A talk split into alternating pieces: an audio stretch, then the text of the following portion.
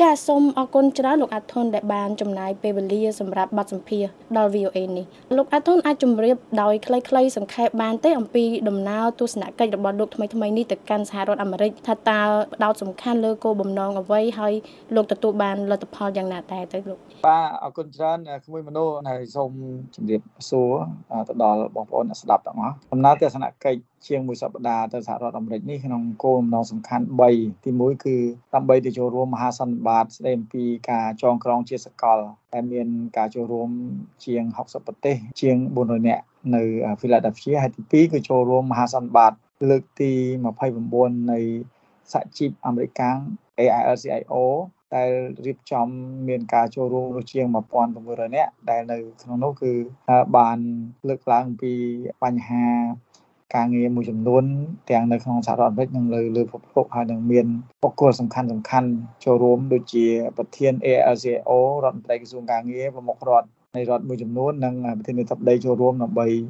លើកទឹកចិត្តនិងគ្រប់គ្រងសកម្មភាពនេះដែរហើយចំណុចទី3គឺយើងបានជួបជាមួយមន្ត្រីសំខាន់សំខាន់របស់សហរដ្ឋអាមេរិកដូចជា ខាងរដ្ឋសភាដែលទទួលបន្ទុកផ្នែក GSP ឬក៏ពាណិជ្ជកម្មហ្នឹងហើយក៏ដូចជាតំណាងពាណិជ្ជកម្មអាមេរិកដែលនៅក្នុងនោះ US State Representative ហ្នឹងគឺយើងបានជួបទាំង3នាក់ដែលទទួលខុសត្រូវផ្នែករៀបចំការងាររៀបចំពាណិជ្ជកម្មនិងជំនួយនិងរៀបចំ GSP ហ្នឹងហើយយើងក៏បានជួបក្រសួងការបរទេសអ្នកទទួលបន្ទុកផ្នែកពាណិជ្ជកម្មនិងការងារក៏ដូចជា GSP ផងដែរហើយចុងក្រោយគឺយើងបានជួបជាមួយមន្ត្រីមួយចំនួនរួមទាំងមន្ត្រីក្រសួងការងារទៀត អញ្ចឹងទស្សនកិច្ចនេះគឺជាទស្សនកិច្ចមួយដែលមានសារៈសំខាន់ពាក់ព័ន្ធទៅនឹងបទពិសោធន៍ផងពាក់ព័ន្ធទៅនឹងការដំណាក់ដំណងការងារនិងមានការជជែកពិភាក្សានិងស្នើឲ្យមានការជួយគ្នាទៅវិញទៅមកនិងជួយអន្តរាគមន៍ករណីផ្សេងផ្សេងទៀតពីកម្ពុជាផងដែរបាទនៅក្នុងជំនួបរវាងលោកជាមួយនឹងមន្ត្រីជាន់ខ្ពស់សហរដ្ឋអាមេរិកដែលទទួលបន្ទុកការងារផ្នែកពាណិជ្ជកម្មដែលរួមមានទាំងមន្ត្រីទទួលបន្ទុកផ្នែកកិច្ចការប្រព័ន្ធផែនការអនុគ្រោះពន្ធ GSP ផងដែរនោះតើលោក ក៏ដូចជាថ្នាក់ដឹកនាំសហជីពផ្សេងផ្សេងទៀតនោះបានលើកឡើងពីបញ្ហាអ្វីខ្លះទៅទៅកាន់តុកជំនួបនោះដែរចា៎អ្វីដែលសំខាន់គឺអ្នកស្រី Jennifer និងអ្នកស្រី Laura គាត់បានឲ្យយើងបង្ហាញអំពីស្ថានភាពការងារពេលបច្ចុប្បន្ននឹងមុនគាត់ចង់ដឹងអំពីសិទ្ធិកម្មករនៅក្នុងពេលបច្ចុប្បន្នគាត់ចង់ដឹងអំពីច្បាប់ហើយជាពិសេសគឺការវិវត្តចុងក្រោយនៅក្នុងវិស័យការងារហើយយើងក៏បានបញ្យល់ថាច្បាប់ ស្ដីពីសហជីពហ្នឹងគឺវាមានលក្ខណៈរឹតបន្តឹងនៃសកម្មភាពរបស់ការងារសហជីពមួយចំនួនដូចជាពាក់ព័ន្ធនឹងសិទ្ធិនៅក្នុងការចងក្រងសិទ្ធិនៅក្នុងការធ្វើជាតំណាងសិទ្ធិនៅក្នុងការធ្វើកុតកម្មជាដើមហើយសហជីពឬក៏កម្មករនិយោជិតនឹងមានការលំបាកនៅក្នុងការអនុវត្តសិទ្ធិការងារដោយសាររឿងទី1គឺច្បាប់នេះឯងរឿងទី2គឺស្ថានភាពអនុវត្តច្បាប់ពេលបច្ចុប្បន្នហ្នឹងមានការរឹតបន្តឹងសេរីភាពការជួបប្រជុំអីផ្សេងផ្សេងជាពិសេសគឺមានការប្តឹងដាក់ពន្ធនាគារប្តឹងរឿងព្រមទាន់ហើយដូចជាករណីបញ្ឈប់កម្មករនៅក្រុមហ៊ុនជីងប៉ៃកាស៊ីណូនៅក្នុងក្រុងសៀនុនិងក្រុមហ៊ុននាការនៅក្នុងរាជធានីភ្នំពេញជាដើមដែលជាការងារមួយដែលយើងក៏បានលើកឡើងហើយតបពីយើងបានលើកឡើងហើយគាត់ក៏បានប្រាប់មកវិញថា អ្វីដែលយើងបានបង្ហាញគឺគាត់បានផ្ទៀងជាមួយនឹងរបាយការណ៍ដែលគេទទួលបានព័ត៌មានដែលគេទទួលពីប្រទេសកម្ពុជាទៅផងដែររួមទាំងការងារដែលរដ្ឋមន្ត្រីក្រសួងការងារនិងក្រសួងពាណិជ្ជកម្មរបស់កម្ពុជានឹងបានជួបជាមួយនឹងពួកគេហើយគេក៏បានពិភាក្សាគ្នាពាក់ព័ន្ធទៅនឹងការងារស្នើរបស់កម្ពុជាដើម្បីភ្ជាប់ឬក៏ឲ្យផ្ដល់នៅកិច្ចព្រមព្រៀងឡើងវិញសម្រាប់ GSP ក្នុងរយៈពេលខាងមុខនេះហើយ ការងារទាំងនោះគឺគាត់បានបញ្ជាក់មួយដែរថាអ្វីអ្វីដែលពួកគេបានប្រមូលព័ត៌មានពីភ្នាក់ងារដែលគេទទួលបាននិងពួកយើងរួមទាំងអ្វីដែលខាងក្រសួងការងារកម្ពុជាដែលបានបញ្ជាក់ទៅគេគឺមានន័យថាជាព័ត៌មានមួយដែលគេទៀងទាត់គ្នាហើយគេនឹងមកកម្ពុជាដើម្បីសិក្សាបន្ថែមទៀតហើយក្នុងនោះគឺគេបន្តជួបពួកយើងហើយចុងក្រោយសេចក្តីសម្រេចសភាគេនឹងសម្រេចថាតើត្រូវផ្ដល់ ភាពអនុគ្រោះពន្ធសម្រាប់ប្រព័ន្ធ GSP ឡើងវិញឬក៏យ៉ាងណាបាទបើតាមលោកមើលទៅភាគីខាងអាមេរិកនឹងពួកគាត់យល់ឃើញឬក៏ឆ្លើយតបទៅវិញយ៉ាងណាដែរចំពោះបញ្ហាដែលក្រមតំណាងសហជីពរបស់លោកនឹងបានលើកឡើងនៅពេលនោះចា៎ជារួមគឺគេបានបញ្ជាក់ថាគេឃើញមានបញ្ហាពាក់ព័ន្ធទៅនឹងច្បាប់និងការអនុវត្តសិទ្ធិរបស់កម្មករនៅក្នុងប្រទេសកម្ពុជាហ្នឹងមានបញ្ហា ហើយគេកំពុងតែផ្ទៀងផ្ទាត់ថាទំហំបញ្ហាហ្នឹងតើអាច កែប្រែបានកម្រិតណាហើយវាអាចធ្វើថាយ៉ាងម៉េចឲ្យប្រសើរបានចឹងហ្នឹងហើយគេក៏ចង់ឃើញថាមុននឹងចុះកិច្ចព្រមព្រៀងហ្នឹងតើតើអេយ៉ាបតបរដ្ឋាភិបាលគេចង់ឲ្យថាតើកែបានប៉ុណ្ណាហើយនឹងរៀបចំច្បាប់ថ្មីថ្មីហ្នឹងសន្យាជាមួយនឹងគេហ្នឹងបានបណ្ណាថែមទៀតបានន័យថារឿងទាំងពីរគេចង់ឃើញរឿងទាំងពីរហ្នឹងហើយអ្វីដែលយើងមើលទៅគឺជាទស្សនៈរបស់ ដូចជាមិនចង្អៀតចង្អល់នៅក្នុងការផ្ដល់ GSP មកកម្ពុជាវិញទេព្រោះអ្វីដែលយើងបានមើលក៏ប៉ុន្តែរិចក៏ចង់ឃើញការវិវត្តនៅក្នុងប្រទេសកម្ពុជាដែរគេចង់ឃើញកម្មករនេះគឺថាមានឱកាសមានការងារធ្វើគេចង់ឃើញកម្មករមានប្រាក់ចំណូលគេចង់ឃើញកាត់បន្ថយភាពក្រីក្រនៅក្នុងប្រទេសកម្ពុជាបានគេចង់ឃើញប្រជាធិបតេយ្យនិងការគោរពសិទ្ធិមនុស្សអីនៅក្នុងប្រទេសកម្ពុជាហ្នឹងអញ្ចឹងជារួមអញ្ចឹងហើយបានការដែលចង់ពិភាក្សា បន្តទៀតជាមួយរដ្ឋាភិបាលកម្ពុជាឬក៏ជាមួយស្ថាប័នពាក់ព័ន្ធនៅក្នុងគោលបំណងដើម្បីរកឲ្យឃើញចំណុចគន្លឹះសំខាន់ហើយស្នើឲ្យរដ្ឋាភិបាលនឹងដោះស្រាយជាក់លាក់ជាបន្ទាន់និងដោះស្រាយរយៈពេលទីវែងមុននឹងការចាប់ផ្ដើមកិច្ចព្រមព្រៀង GSP ម្ដងទៀតបាទ ចាបើតាមការយល់ឃើញផ្ទាល់របស់លោកទៅលើស្ថានភាពនយោបាយស្ថានភាពសិទ្ធិការងារសិទ្ធិក្នុងការចងក្រងបង្កើតសហជីពសិទ្ធិសេរីភាពនានារបស់កម្មកររោងចក្រកាដេក៏ដូចជាស្ថានភាពសេដ្ឋកិច្ចសង្គមក្រោយវិបត្តិ COVID-19 មកនេះនឹងតើកម្ពុជាមើលទៅអាចនឹងមានលទ្ធភាពថាទទួលបានការបន្តនៅឋានៈអនុគ្រោះពន្ធពីអាមេរិក GSP នេះដែរទេមើលទៅចា៎ហើយបើតាមអ្វីដែលយើងបានជួបពិភាក្សាជាមួយពួកគាត់ហើយអ្វីដែលយើងបានសិក្សាភូមិសាស្ត្រនយោបាយដែលពាក់ព័ន្ធសហរដ្ឋអាមេរិក ចិននិងឥណ្ឌូឆៃណានេះគឺមានន័យថាកម្ពុជាជាប្រទេសមួយដែលសក្តានុពលអញ្ចឹងសហរដ្ឋអាមេរិកត្រូវបង្កើនដំណាក់ដំណងពាណិជ្ជកម្មផងដំណងការទូតផ្នែកនយោបាយខ្លះផងនៅក្នុងនឹងវាវាជាទស្សនៈសក្តានុពលនៅក្នុងប្រទេសកម្ពុជាយើងផងដែរក៏ប៉ុន្តែនៅក្នុងនោះយើងក៏មិនទាន់ប្រកាសទេថាវាអាចទៅរួចប៉ុណ្ណាបើតាមខ្ញុំយល់បើសិនជាកម្ពុជាបន្តធ្វើឲ្យប្រសើរឡើងហើយនឹងសន្យា នៅក្នុងឯកសារថានឹងដោះស្រាយបញ្ហានឹងបន្ថែមទៀតខ្ញុំគិតថាដូចជាមិនមិនពិបាកទេប្រហែលអាចទទួលបានវាលើកលែងតែស្ថានភាពអាក្រក់ទៅអាក្រក់ទៅចាប់ពីពេលនេះក្នុងអំឡុងរយៈពេលខ្លីនៅក្នុងដៃសភាដែលកំពុងតែរៀបអនុម័តនេះអាហ្នឹងអាចនឹងអាចមានការវិជាពេលឬក៏អាចនឹងវិចារណានៅក្នុងការមិនផ្ដល់នឹងឬក៏យ៉ាងណាហើយសូមបញ្ជាក់ផងដែរថា កម្ពុជាស្នើសុំប្រព័ន្ធអនុគ្រោះពន្ធពិសេស GSP នេះគឺមិនត្រឹមតែស្នើបន្តកិច្ចព្រមព្រៀងដែល GSP ចាប់ពីពេលនេះទៅទេប៉ុន្តែស្នើបន្តចាំងពីថ្ងៃទី1ខែ1ឆ្នាំ2021មកគឺរយៈពេលជាង1ឆ្នាំហើយហើយនឹងស្នើឲ្យសហរដ្ឋអាមេរិកហ្នឹងគឺថាអឺឲ្យត្រឡប់មកវិញនៅពន្ធដែលដែលក្រុមហ៊ុនបានបង់ក្នុងរយៈពេលជាង1ឆ្នាំនេះមកវិញផងដែរអញ្ចឹងគឺការផ្ដល់អនុគ្រោះពន្ធ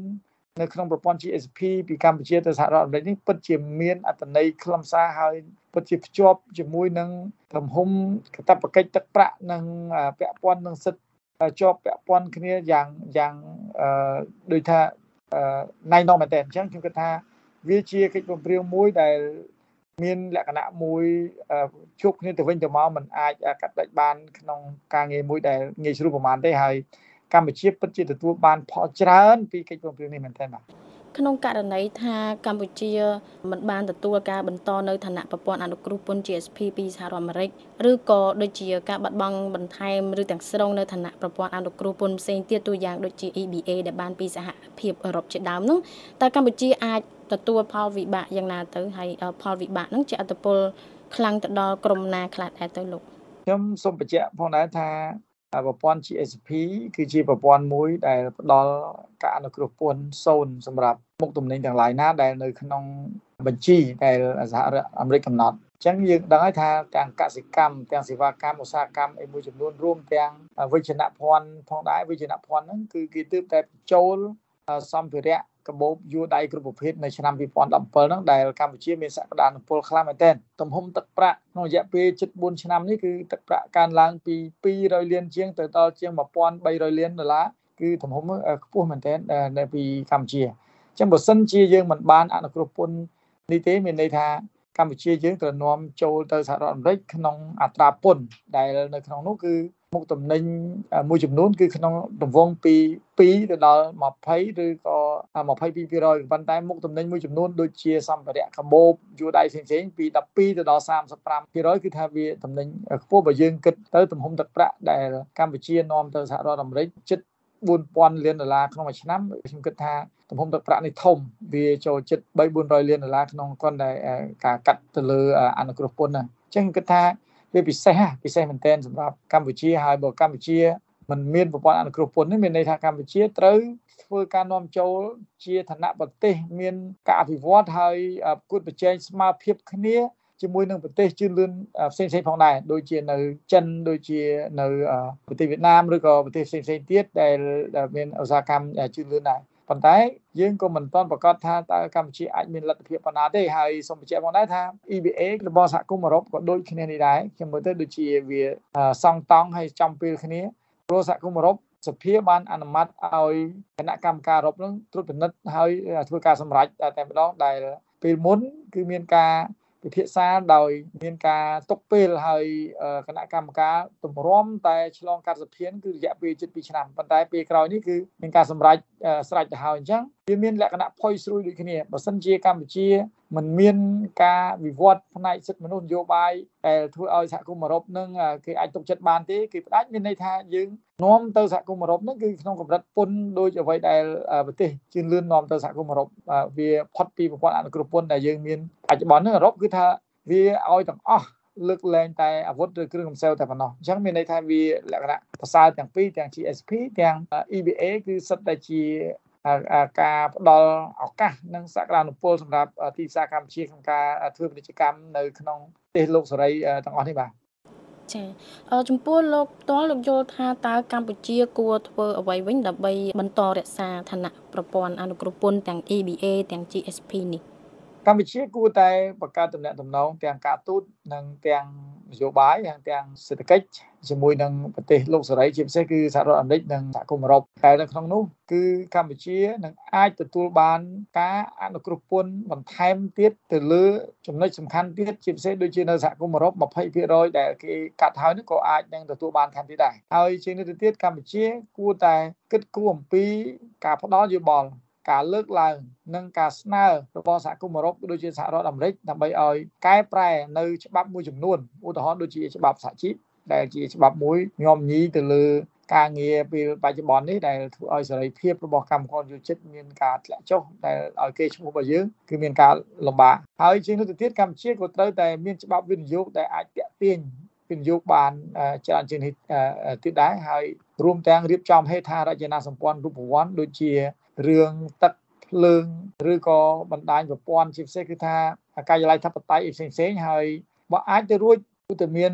រោងចក្រផលិតវត្ថុធាតុដើមមួយចំនួនដែលអាចនឹងកែច្នៃនៅក្នុងប្រទេសកុំឲ្យយើងនាំចូលនៅវត្ថុធាតុដើមទាំងស្រុងឬក៏80ទៅ90%ពីចិនឬក៏ប្រទេសវៀតណាមឬឥណ្ឌាឬក៏ពីឥណ្ឌូនេស៊ីយ៉ាងច្រើនពេកវាវាធ្វើឲ្យកម្ពុជាមានការលំបាកហើយជាងនេះទៅទៀតខ្ញុំគិតថានយោបាយនៅក្នុងស្រុកគួរតែបន្ថែមរឿងសិទ្ធិពលរដ្ឋ គួរតែត្រូវផ្ដល់ឲ្យ